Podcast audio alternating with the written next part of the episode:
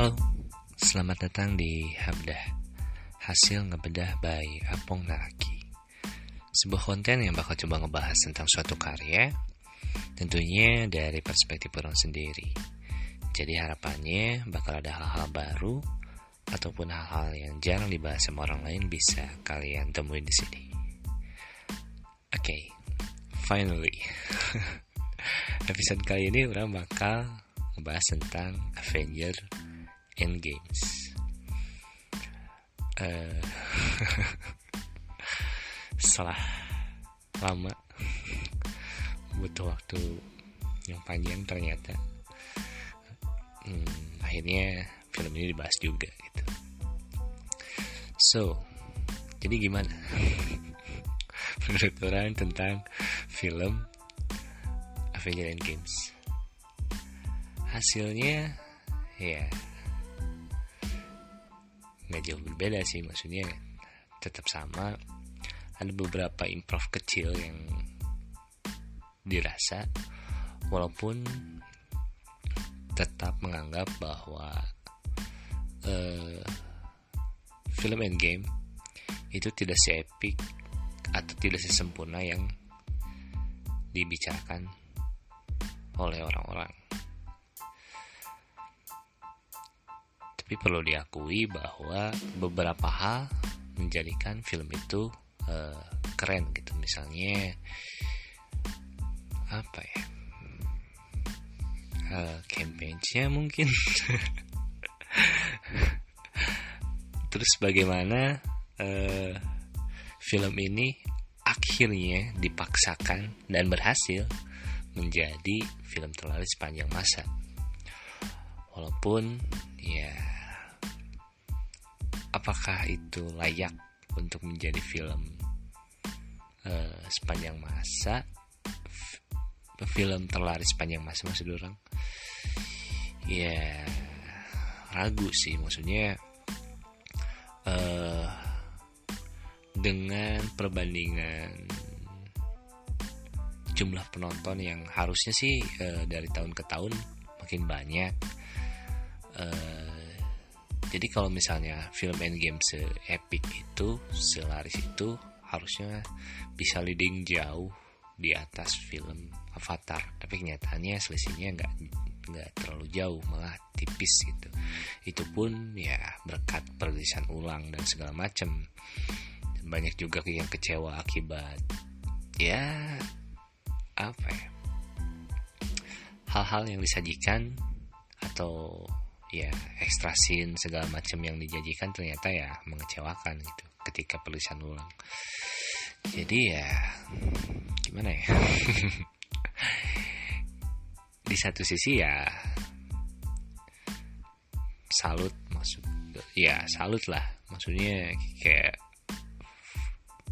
Disney khususnya MCU berhasil uh, menancapkan bendera paling tinggi di sejarah perfilman untuk saat ini gitu sebagai film terlaris. Apalagi setelah mengakuisisi Fox kemudian ya mau nggak mau diakui sebagai ya, kayak semacam top brand dari uh, perusahaan film di Hollywood gitu untuk sekarang. Walaupun banyak pertaruhan yang bakal dihadapi gitu sebetulnya. Kalau melihat ya keadaan sekarang gitu. Maksudnya MCU itu balik lagi ke titik nol gitu. Dan kesuksesan nanti mereka kayak apa ya tergantung dari banyak hal dan gak bisa diperhitungkan secara secara pasti gitu. Dan kalau misalnya ngelihat dari kompetitor lain sebetulnya ini uh, kesempatan yang sangat-sangat tepat itu untuk para rival dari Disney maupun MCU untuk uh, mengejar kesuksesan dari Disney maupun MCU gitu. Karena ya sekarang ini titik nol dan banyak peluang banyak uh, apa ya kemungkinan yang bakal terjadi. Jadi untuk kurang pribadi sebagai pencinta film yang mudah-mudahan nanti ke depannya kompetisi apa pun yang lahir uh, mudah-mudahan berujung pada karya yang ya bisa bisa epic gitu. Ya maksudnya sebuah era sudah berakhir tentu bakal ada era baru yang patut kita nantikan gitu. Ya kita nantikan lagi sama-sama gitu. Sorry. Oke balik lagi ke film Endgame. Film ini uh, tetap menjadi film yang overrated sih menurut orang. Ada beberapa hal yang menyebabkan hal tersebut. Di antaranya adalah hmm, terlalu bagusnya atau terlalu epicnya film Avenger Infinity Wars gitu. Uh, banyak hal yang mau nggak mau dijadikan komparasi uh, komparasi jadi dibanding-bandingkan gitu di ya dengan film tersebut gitu. Maksudnya film Endgame dan film Infinity Wars otomatis bakal dibanding-bandingkan gitu. Uh, mungkin untuk penggemarnya tidak akan demikian tapi untuk orang-orang yang uh, di luar penggemarnya atau orang-orang yang berusaha objektif kurang juga berusaha objektif hmm, nilai film ini secara keseluruhan ya mau nggak mau uh, ya akhirnya dibanding-bandingkan gitu. Apalagi kejadiannya emang berkaitan gitu. Banyak eh, hal-hal yang dipunya di film Infinity Wars tapi di Endgame malah uh, apa ya mengalami penurunan gitu. Kayak misalnya di film Endgame tuh banyak CGI CGI yang kurang memuaskan bahkan jelek gitu. Bukan kata orang juga sih maksudnya banyak banget orang yang bilang uh, bahwa film Endgame itu punya beberapa CGI yang sangat buruk di beberapa scene gitu. Bahkan extra kredit yang dijadi yang dijanjikan saat perilisan ulang juga uh, pas ketika si Hulk menyelamatkan anak-anak itu ya itu kualitasnya buruk banget gitu uh, kenapa mungkin uh, faktor utamanya sih buru-buru banget gitu. Maksudnya tidak tidak tidak cukup mendapat waktu untuk pengerjaan yang lebih perfect gitu. Walaupun ya secara keseluruhan sih nggak terlalu terlalu parah gitu maksudnya hanya beberapa scene yang yang CGI-nya parah banget gitu. Dan sampai-sampai ya disandingkan dengan CGI-nya uh, eh, Superman berkumis itu loh yang si yang animasinya jadi terlihat aneh gitu. Uh, CGI-nya Hulk itu lebih aneh lagi katanya. Nggak tahu sih. Uh, ya menurut kalian gimana gitu selain itu uh, faktor Thanos juga gitu. Di film Infinity Wars uh, Thanos tuh datang bukan cuma dengan kekuatan tapi juga dengan pemikiran gitu. Dan bahkan pemikiran yang dia pegang atau ideologi yang dia pegang itu benar-benar uh, masuk akal gitu. Seperti yang pernah orang bahas di konten sebelumnya ya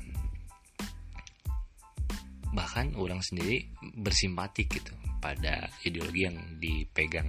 Bagaimana dia memperjuangkan uh, semesta untuk bisa uh, seimbang karena ya semakin ke sini tuh dunia ya emang jauh dari kata keadilan gitu yang kuat semakin kuat yang emas semakin tertindas yang kaya semakin kaya yang miskin semakin miskin. Nah di film Endgame Thanos di sini itu ya cuma jadi komander perang gitu, cuma jago gelut lah kasarnya gitu. Jadi cuma tukang pukul doang, tidak ada tentang ideologi yang sama gitu. Mungkin karena perjalanan waktunya dilewatin gitu. Terus juga ada gap yang sangat jauh uh, dari dua karakter tersebut gitu. Di mana walaupun secara karakter harusnya kekuatannya nggak jomplang gitu tapi di sini malah jomplang gitu. Di film Infinity Wars Thanos itu uh, struggle gitu hampir ya mati-matian lah hampir-hampir kalah gitu. Melawan Avengers walaupun dengan kekuatan uh, beberapa batu di tangannya gitu beberapa Infinity Stone di tangannya gitu. Sementara di film Endgame, Thanos sama sekali nggak memakai kekuatan dari uh,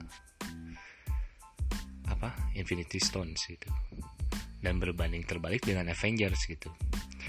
Apalagi uh, selain pernah atau punya pengalaman melawan Thanos yang lebih harusnya lebih kuat, kemudian juga kayak misalnya Thor akhirnya punya dua senjata yang harusnya menambah sangat-sangat menambah kekuatan gitu.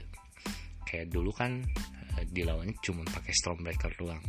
Terus sekarang tiba-tiba uh, dengan dua senjata yang maha dahsyat lah gitu kasarnya ada Mjolnir sama Stormbreaker tapi tetap mm, ngebuat si Thanosnya berdarah juga enggak gitu. Kan aneh gitu. Kenapa kok si Thanosnya bisa lebih kuat gitu dari sekarang? Padahal terus dilawannya juga formasi yang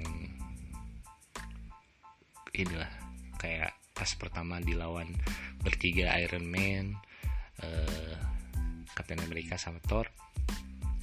Di film Infinity Wars tembakan si Iron Man tuh ngaruh gitu. Ke si Thanos sementara di sini walaupun itu hasil konversi dari petirnya si Thor itu nggak ngaruh sama sekali gitu.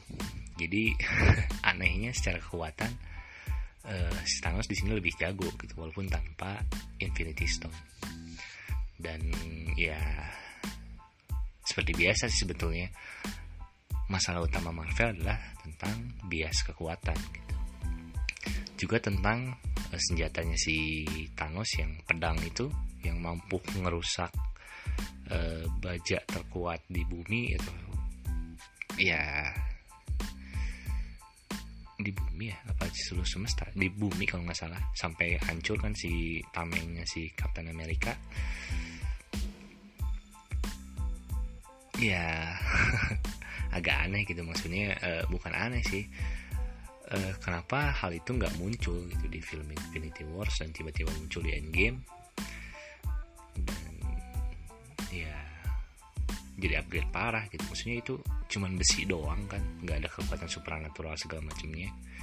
Tapi kok bisa ngebuat si Thanos kayak lebih jago 10 level atau berapa level dari Thanos yang sebelumnya dengan kekuatan Infinity Stone yang dibilang bahwa itu adalah kekuatan terkuat di semesta. Kan aneh.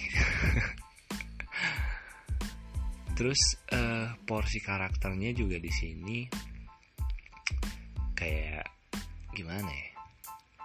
Di Infinity Stone tuh eh Infinity Stone di Infinity Wars tuh porsi karakternya tuh pas banget gitu.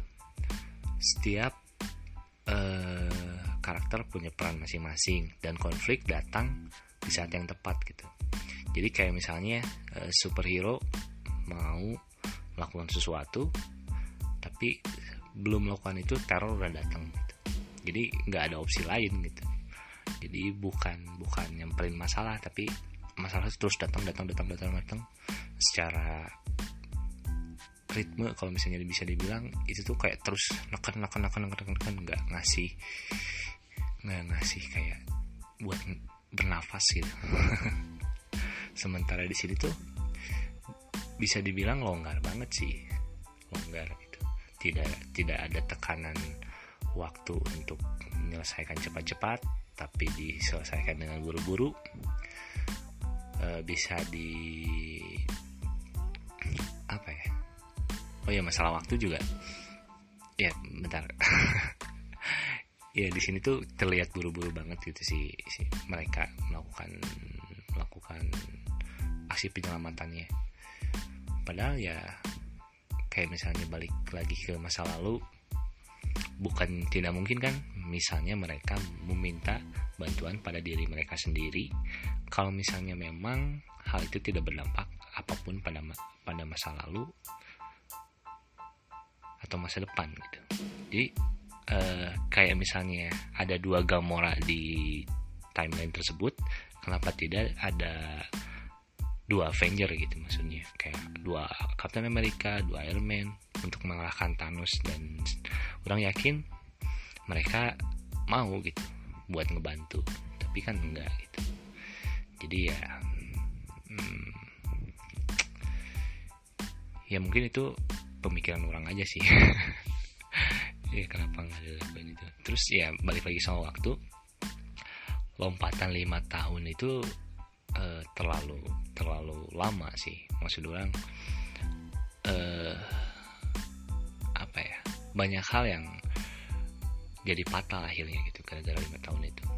Emang uh, dari informasi yang orang dapat konfirmasi duo Russo atau Russo Brothers bilang bahwa lima tahun atau lompatan lima tahun setelah kejadian membunuh Thanos dihadirkan di cerita itu untuk uh, supaya si Avengers-nya itu berproses gitu. Be, being human.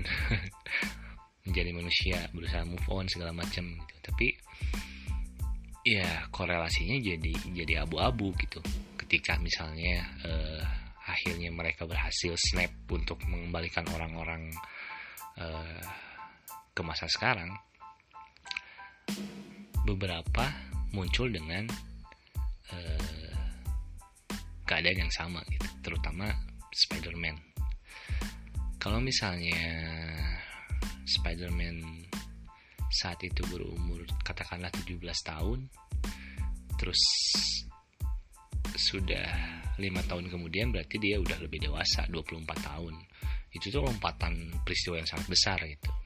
Tapi kalau misalnya dia nggak berubah apa artinya lima tahun yang dihadirkan di cerita gitu? Terus ya ya efek-efek dari snapnya si uh, Avenger tuh apa gitu? Yang si Hulk tuh apa sih sebenarnya gitu uh, tidak dijelaskan secara gamblang tidak disebutkan kondisinya seperti apa dan lima tahun itu uh, berlaku apakah untuk hanya orang hanya orang-orang yang tidak ter tidak terubah menjadi debu atau berlaku untuk semuanya gitu. ya karena ya orang melihat efeknya nggak dirasakan oleh semua orang di film tersebut atau di cerita tersebut gitu. Terus uh, apa lagi ya? Uh, bias kekuatan si Captain Marvel. Uh, terlihat banget bahwa di uh, sebetulnya Captain Marvel bukan bagian penting dari cerita. Dari cerita Endgame itu. Terkesan dipaksakan banget gitu menurut orang. Uh, di film ini bahkan uh, dia tiba-tiba datang nyelamatin Tony Stark gitu. Ya bisa aja sih. Cuman ya kebetulan kebetulan yang dipaksakan gitu. Maksudnya kenapa nggak pas Infinity Wars datang atau gimana gitu? Kenapa pas datangnya pas di momen itu? Terus eh, dampak dari setengah hilang populasi juga ya bisa aja kan dia selamat gitu. Eh, bisa aja dia yang kena atau gimana gitu. Dia bilang kan uh, ribuan planet segala macam gitu tapi ya kayak terlalu luas gitu. Dia tuh tiba datang dari sebuah entah di mana. Terus tiba-tiba datang cuma buat uh, kalau menurut orang ya cuma buat uh, menyaingi kesuksesan dari Wonder Woman. Apalagi sudah dikonfirmasi bahwa fase MCU yang akan datang fase 4 akan dipimpin oleh si Captain Marvel ini gitu. Kekuatannya bias juga. Uh, katanya superhero terkuat dari Marvel. Katanya setara dengan si Thanos. Tapi kenapa bukan dia yang misalnya uh, men snap atau menjetikan jari menggunakan Infinity Gauntlet itu gitu. Kenapa harus Iron Man kalau misalnya emang dia kuat gitu? Terus kalau misalnya dia kuat ya kenapa harus sampai kewalahan gitu? Kenapa nggak one on one aja gitu? Nggak usah sok-sokan tiba-tiba datang dari langit terus kuat banget gitu. Seluruh yang ngancurin armada perangnya si Thanos tiba-tiba ya cuman mengembalikan eh mengantarkan Iron Gauntletnya ke mobil si Ant-Man gitu. Urgensi apa gitu. Terus dia juga uh, tahu situasinya seperti apa gitu perkembangannya seperti apa gitu. Maksudnya dia nggak nggak punya cukup waktu untuk mengat untuk bisa paham situasi yang terjadi di saat itu gitu. tiba-tiba datang tiba-tiba ini. Kenapa ya menurut orang lebih logis kenapa nggak? Misalnya si Captain Marvel turun terus langsung berhadapan sama si sama si Thanos gitu. Dan argumen ulang juga diperkuat dengan adanya scene yang tiba-tiba seluruh superhero wanita dibuat bareng-bareng gitu. Cuma buat ngepush bahwa ada superhero wanita juga loh di di Marvel gitu. Kayak gitu sih terus balik lagi ke scene si Iron Man yang diselamatkan juga uh, si nya aneh sih menurut orang. Uh, tiba-tiba kayak kurus banget kan gitu. Pas datang pertama kali di bumi lemah banget segala macam. Tapi pas di pesawat malah enggak gitu. Itu tuh butuh proses berapa lama atau kayak gimana.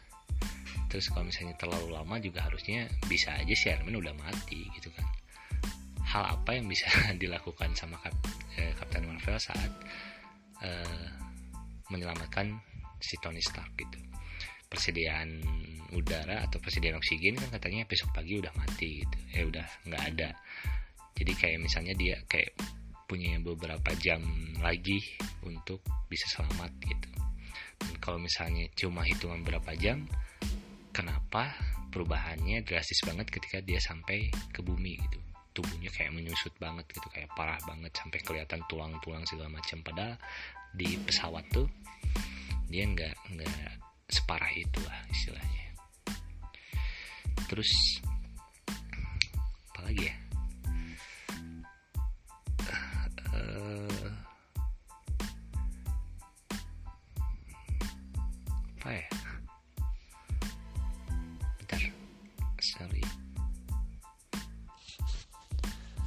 Oke, okay, uh, eh, selanjutnya perubahan psikologis juga agak lompat sih, maksudnya kayak si si Ned atau si Black Widow juga tiba-tiba merasa tertekan, merasa bersalah segala macam gitu. Padahal ya kalau misalnya ngelihat perjalanan doi ke belakang di Infinity War segala macam segala macam doi nggak punya tanggung jawab segede itu loh gitu. Maksudnya uh, kalau mau juga ya pas setelah itu sih setelah Age of Ultron gitu ketika doi kehilangan Hulk terus uh, teman-temannya uh, apa berantem terpecah belah di Civil Wars tapi doi baik-baik aja gitu dan tiba-tiba kayak merasa depresi banget gitu. Padahal ya si Ned itu ke kehilangan siapa sih gitu. Terus uh, punya punya penyesalan apa sih sampai ke setertekan itu gitu. Ya prediksi orang sih ya ini tuh cuma cuma jadi jadi apa ya semacam jalan untuk lebih menarik simpati buat penonton agar mau menonton film solonya Black Widow gitu. Uh, mending sih kalau si Clint punya alasan yang kuat gitu. Tapi kalau si Black Widow ya orang bertanya-tanya sih maksudnya apa gitu kenapa? Terus apa lagi ya? Uh, oh ya yang paling fatal sih menurut orang ya selain faktor Thanos tadi juga uh, tentang rumitnya uh, efek dari perjalanan waktu yang diambil sama Avengers gitu. Maksudnya banyak kekacauan yang terjadi. Uh, apakah itu tidak berpengaruh ke cerita atau ya tidak merusak apa pun gitu? Ya harusnya sih menurut logika orang itu benar-benar kacau gitu. Dan seolah-olah yang terjadi apa-apa gitu. Ya terlalu rumit gitu uh, change re reaction dari atau efek domino dari kejadian uh, kembali ke masa lalu gitu dan ya walaupun dipertegas kayak misalnya uh, apa yang terjadi di masa lalu tidak berdampak di masa depan tapi ya kayak gimana ya? Ya kayak kayak nggak etis aja sih merusak merusak apa yang terjadi di masa lalu. Terus uh, yang nggak peduli gitu kesannya gitu. Kayak misalnya uh, perubahan besar kayak si Thor yang melarikan diri terus uh, si siapa ya? Si Nebula yang mati.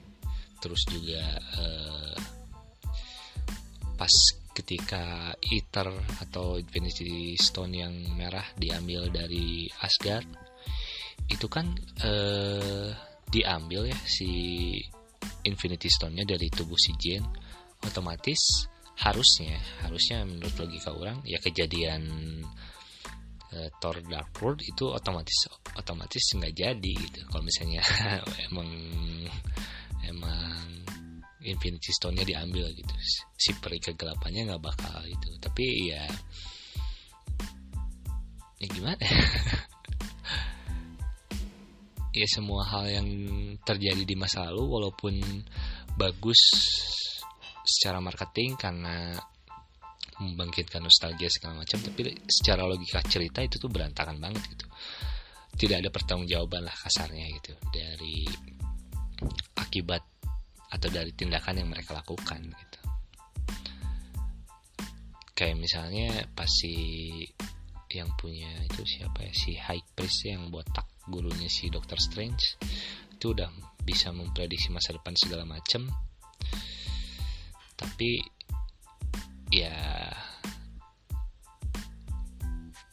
kayak kedatangan mereka juga nggak bisa diprediksi gitu. Kayak harusnya kalau misalnya dia udah bisa melihat masa depan kejadian si Hulk akan datang ke sini juga harusnya bisa diprediksi dong. Makanya sangat-sangat rumit untuk membuat film berdasarkan uh, time traveler gitu terlalu rumit terlalu banyak hal yang harus diperhitungkan gitu. Dan ya menurut orang ini salah satu faktor yang kalau misalnya dilihat selintas buat hura-hura eh, bukan hura-hura buka buat bernostalgia segala macam ya keren gitu. Tapi kalau misalnya berpikir logis dan ngelihat reaksi apa yang bakal ditimbulkan ya ya banyak celah banget gitu ya. Uh, ada sih satu hal lagi yang jadi pertanyaan gitu. Uh, armada Thanos gitu. Maksudnya eh, gimana caranya armada segitu banyak segitu gedenya bisa balik lagi ke masa atau bisa ikut datang ke masa sekarang gitu. Padahal uh, ya portal atau misalnya serum yang ditinggalkan sama si Nebula buat Thanos ya cuma satu satu ini doang itu satu tabung doang itu satu tube yang kalau misalnya dipakai buat Avenger ya cuma berlaku untuk satu orang doang gitu. Tapi itu bisa membawa satu armada gede bahkan ya lebih banyak daripada serangan New York lebih banyak daripada serangan Infinity Wars gitu. Dan portal yang dipakai itu cuman ya ya nggak ngerti gimana gitu maksudnya uh, nggak nggak ya nggak nggak jelas gitu maksudnya ya kok bisa gitu uh, mungkin bagi sebagian orang sih hal itu nggak mengganggu tapi menurut orang ya balik lagi ke logika cerita gitu. Itu punya dampak yang aneh gitu maksudnya. Emang tidak semua hal perlu dijelaskan. Tapi ya kalau misalnya halnya sebenarnya signifikan gitu sebenarnya hal itu uh, merupakan masalah besar ya kenapa tidak dijelaskan gitu? Apa karena demi mengejar epic battle gitu kasarnya demi mengejar pertarungan akbar akhirnya uh, ya kayak gitu gitu. Padahal ya kalau misalnya ngebandingin portal yang dibuka misalnya sama si Doctor Strange itu butuh uh, apa ya kayak effortnya tuh kelihatan gitu si Doctor Strange buka portalnya kayak gimana terus penyihir-penyihir buka portalnya kayak gimana gitu. Dan itu pun jadi pertanyaan sih maksudnya kayak ya mereka muncul dari berbagai tempat terus ya kayak siapa sih yang ngebukain pintu buat mereka gitu. Apakah uh, posisi mereka atau posisi penyihir uh, ada di berbagai tempat atau misalnya penyihirnya datang dulu ke tempat mereka terus buka lagi portal segala macam gitu. Ya uh, aneh gak aneh sih gitu maksudnya.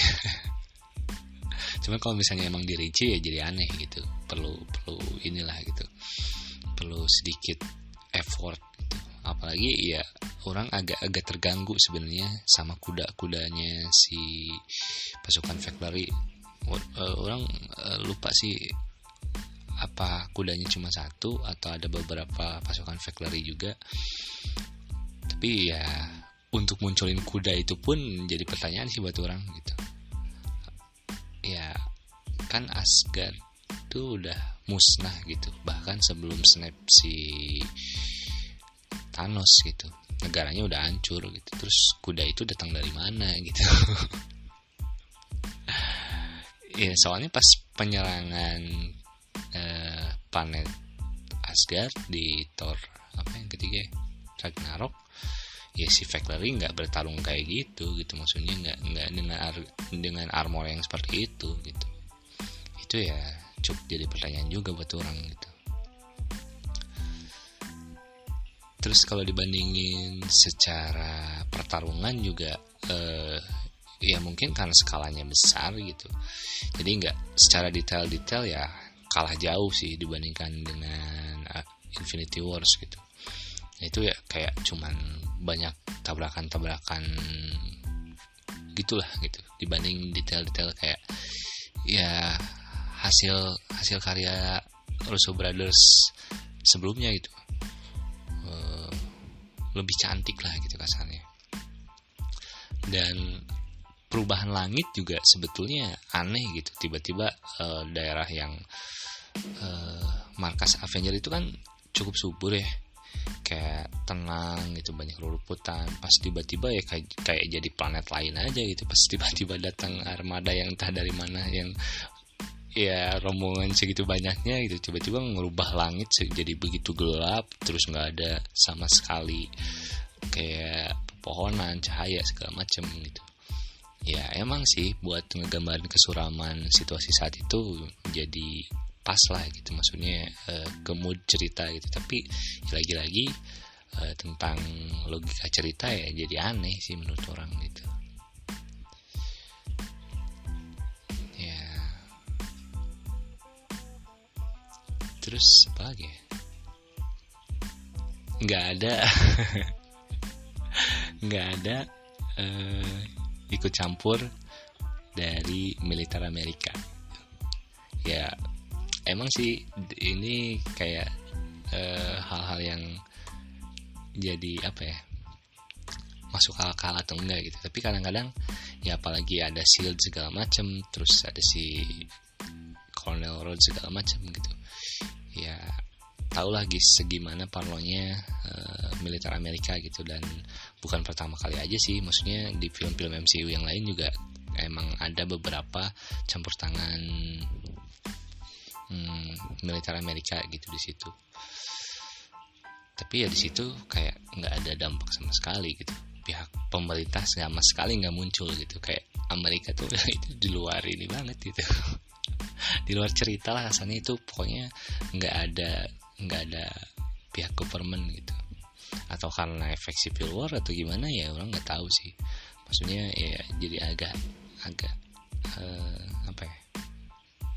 Aneh sih bukan aneh ya kayak ya aneh mungkin ngelihat ngelihat gimana gimana histori atau kebiasaan dari militer Amerika, pemerintah Amerika ketika menyikapi teror yang segitu parnoannya tiba-tiba menghadapi ancaman yang begitu besar gitu. Atau kejadian yang luar biasa ya pastilah masa nggak ke detek sama radar segala macem gitu. Ya nggak ada nggak ada campur tangan sama sekali gitu kan. Aneh gitu. Tapi kalau boleh ulang simpulin ya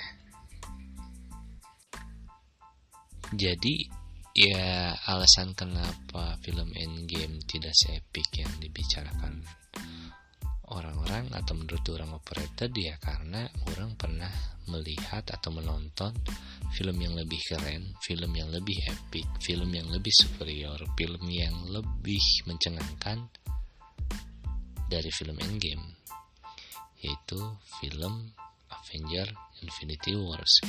Dan menurut orang pribadi sih uh, harusnya yang dapat iten, intensi se hype ini ya Infinity Wars gitu. Cuman yang nggak bisa disalahkan juga gitu. Mengingat film ini adalah penutup perjalanan MCU uh, fase ketiga gitu. Dan ya titik, titik puncak lah istilahnya gitu.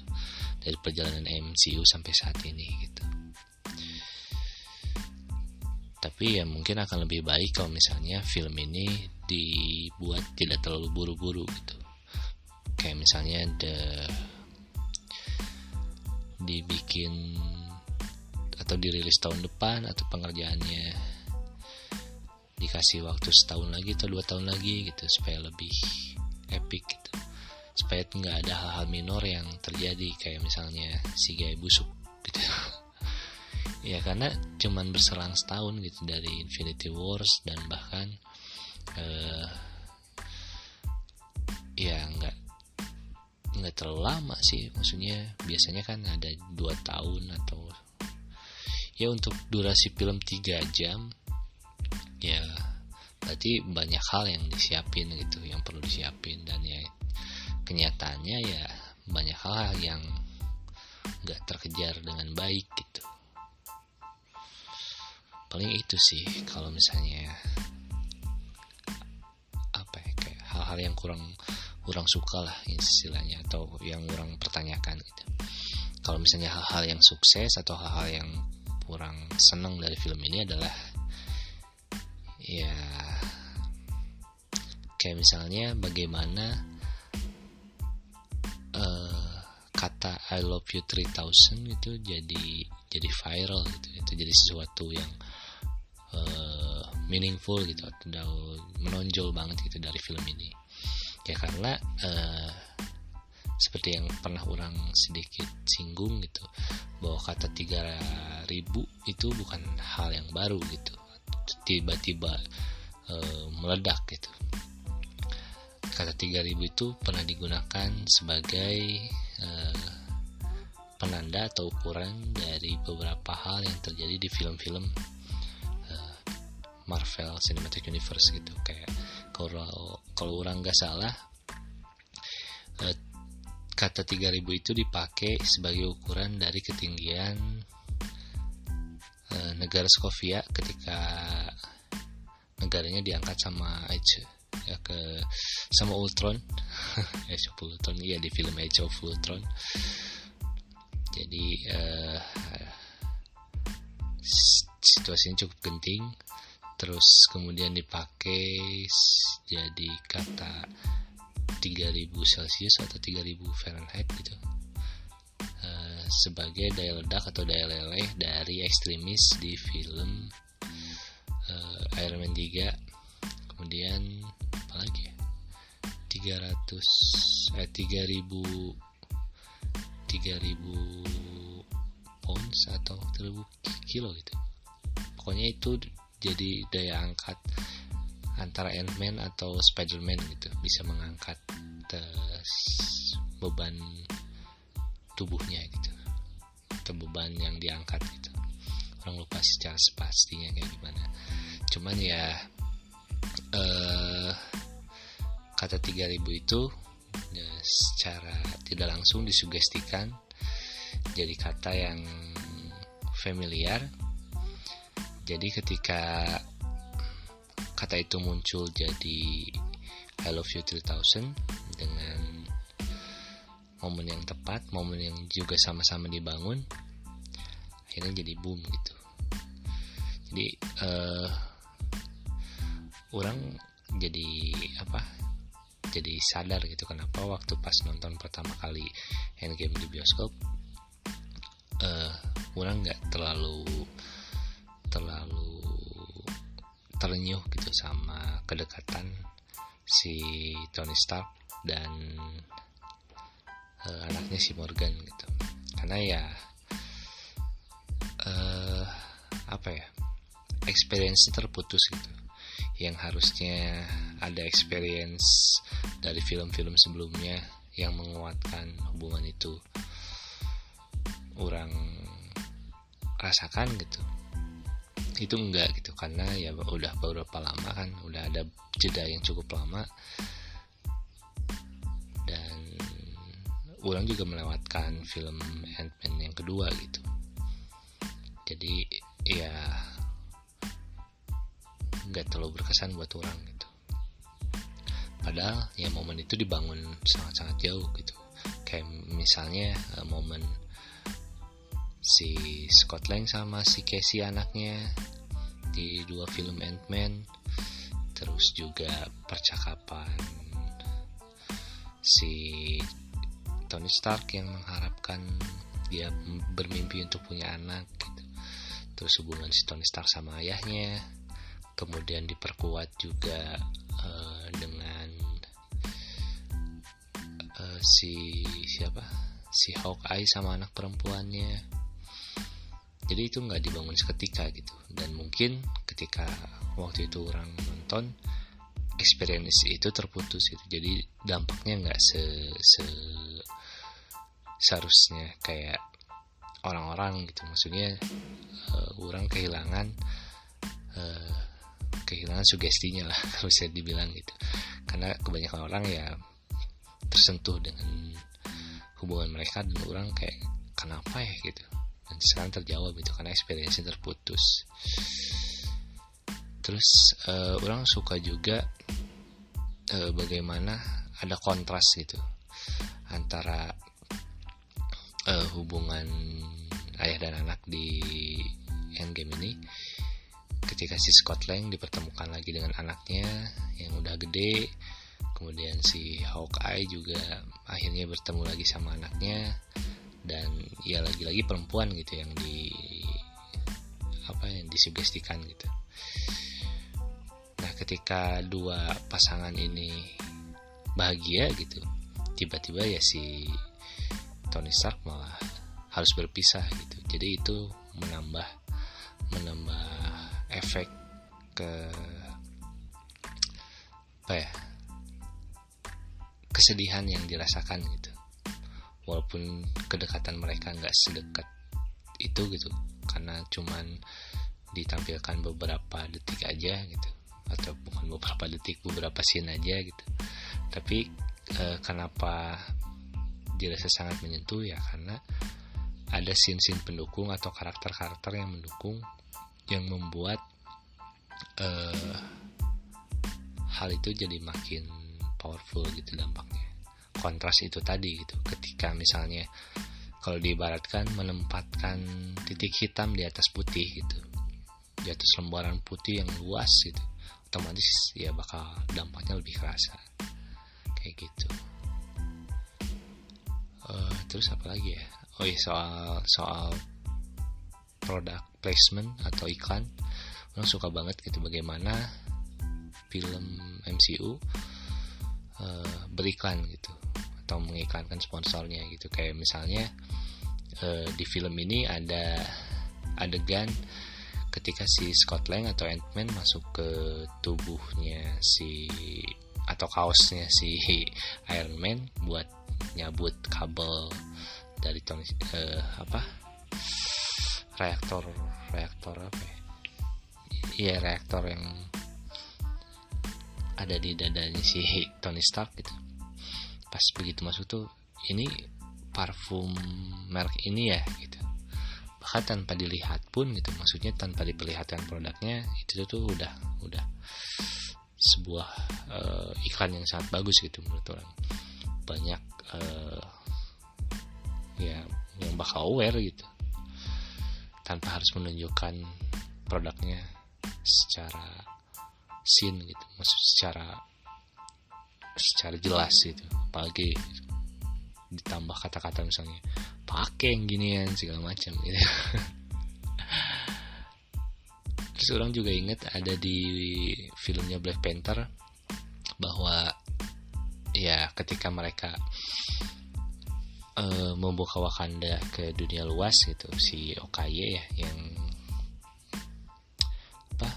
pelayan bukan pelayan uh, pengawal Wakanda yang cewek itu.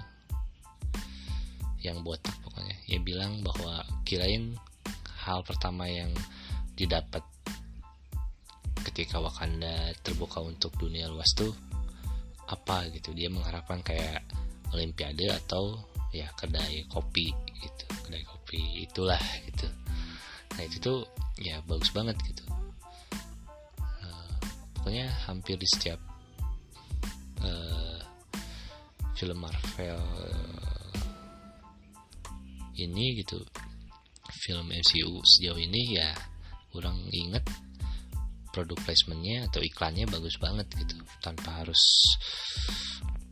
ya kayak film-film Indonesia gitu. Sorry to say uh, belum ada produk placement yang cantik gitu. Belum ada yang uh, rapih bahkan malah cenderung mengganggu gitu kebanyakan ya beriklannya terlalu beriklan gitu. Harusnya iklan yang bagus menurut orang sih ya iklan yang tidak tampak iklan gitu. Kalau di Indonesia ya gitu sih. Kebanyakan uh, malah ya maksa sih. Ya, oh, batuk minum yang ginian gitu.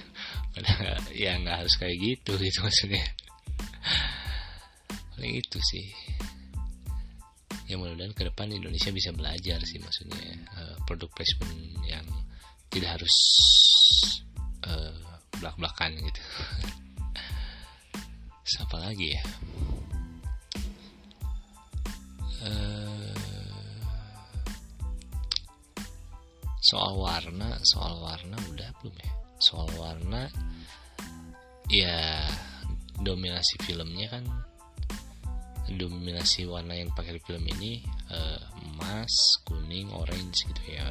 Antara itulah pokoknya. Ya untuk kemasan ya melambangkan perjalanan MCU ataupun puncak karirnya atau 10 tahun dekade segala macam ya kayak selebrasi lah pokoknya gitu glamor segala macam untuk kuning kuning tuh ada insecure ada energi gitu terus orange itu ada uh, apa ya keseimbangan atau apa gitu. Pokoknya antara kuning sama orange itu ada ada simbol-simbol uh, bijaksana ada simbol-simbol keseimbangan kemudian uh, keluarga juga ada sedikit warna biru juga sih buat melambangkan kayak kesedihan depresi yang dialami sama para Avengers walaupun nggak terlalu menonjol sih. Terus selain itu soundtrack juga di sini lebih bagus gitu. Maksudnya musik tema Avenger tuh di sini lebih kerasa gitu. Kalau mi misalnya di film-film sebelumnya musik Avenger cuman dibuat untuk scene opening doang gitu atau uh, opening title doang. Kalau di sini ya mulai dimasukkan di pertengahan scene atau di scene-scene heroik atau segala macem lah pokoknya. Terus orang juga suka bagaimana uh, mood ketika atau berbagai berbagai apa ya style musik dari berbagai film bisa uh, menyatu rapi gitu kayak uh, nuansa musik ke Guardian of Galaxy tiba-tiba ada di situ gitu. Eh, ya dengan dengan kekhasannya gitu dengan style yang signifikan tanpa merusak uh, alur filmnya gitu dan ya di sini juga ada hal yang menarik gitu menurut orang.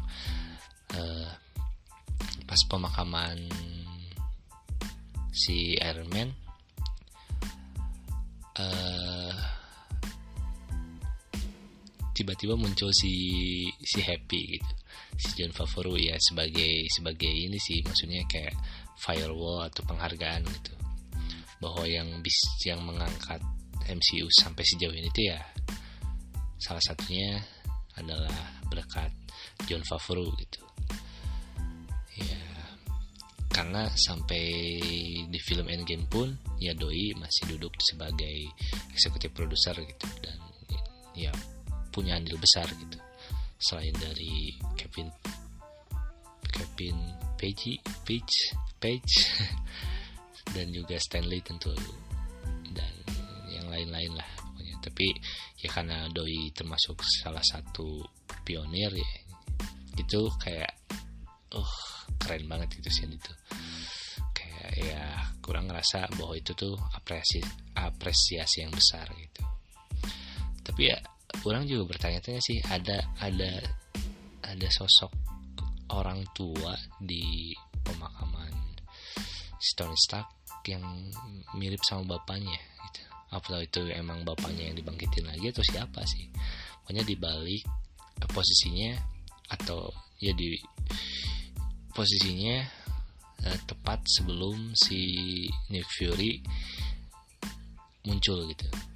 Dan juga sesudah bocah yang nyelamatin Tony Stark di uh, Iron Man 3 gitu. Kemungkinan sih bapaknya sih tapi nggak tahu siapa orang juga nggak tahu uh, pasti doi itu siapa gitu. Itu paling yang bisa orang bahas sementara ini dari film Endgame. Uh, kalau misalnya masih belum puas pengen ngebahas lagi boleh ngasih masukan lah. Atau saran untuk kritikan atau mau bantahan atau apa pun gitu.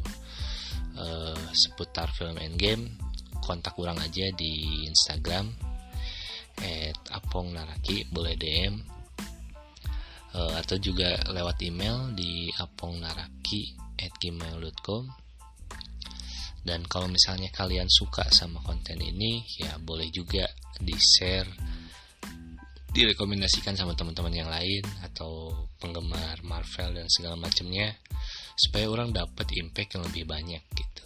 Dan semakin banyak impact yang orang terima yang mudah-mudahan bisa membuat orang uh,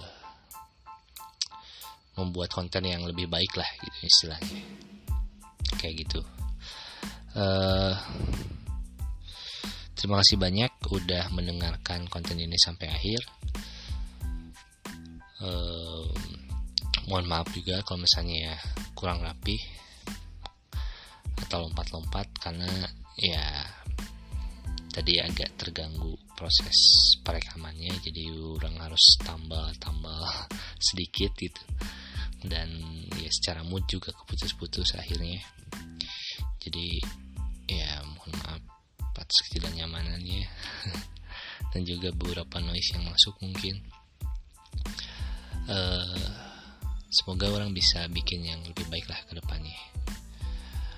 Uh, segitu dulu paling untuk episode kali ini orang Apung Nanaki pamit Abdah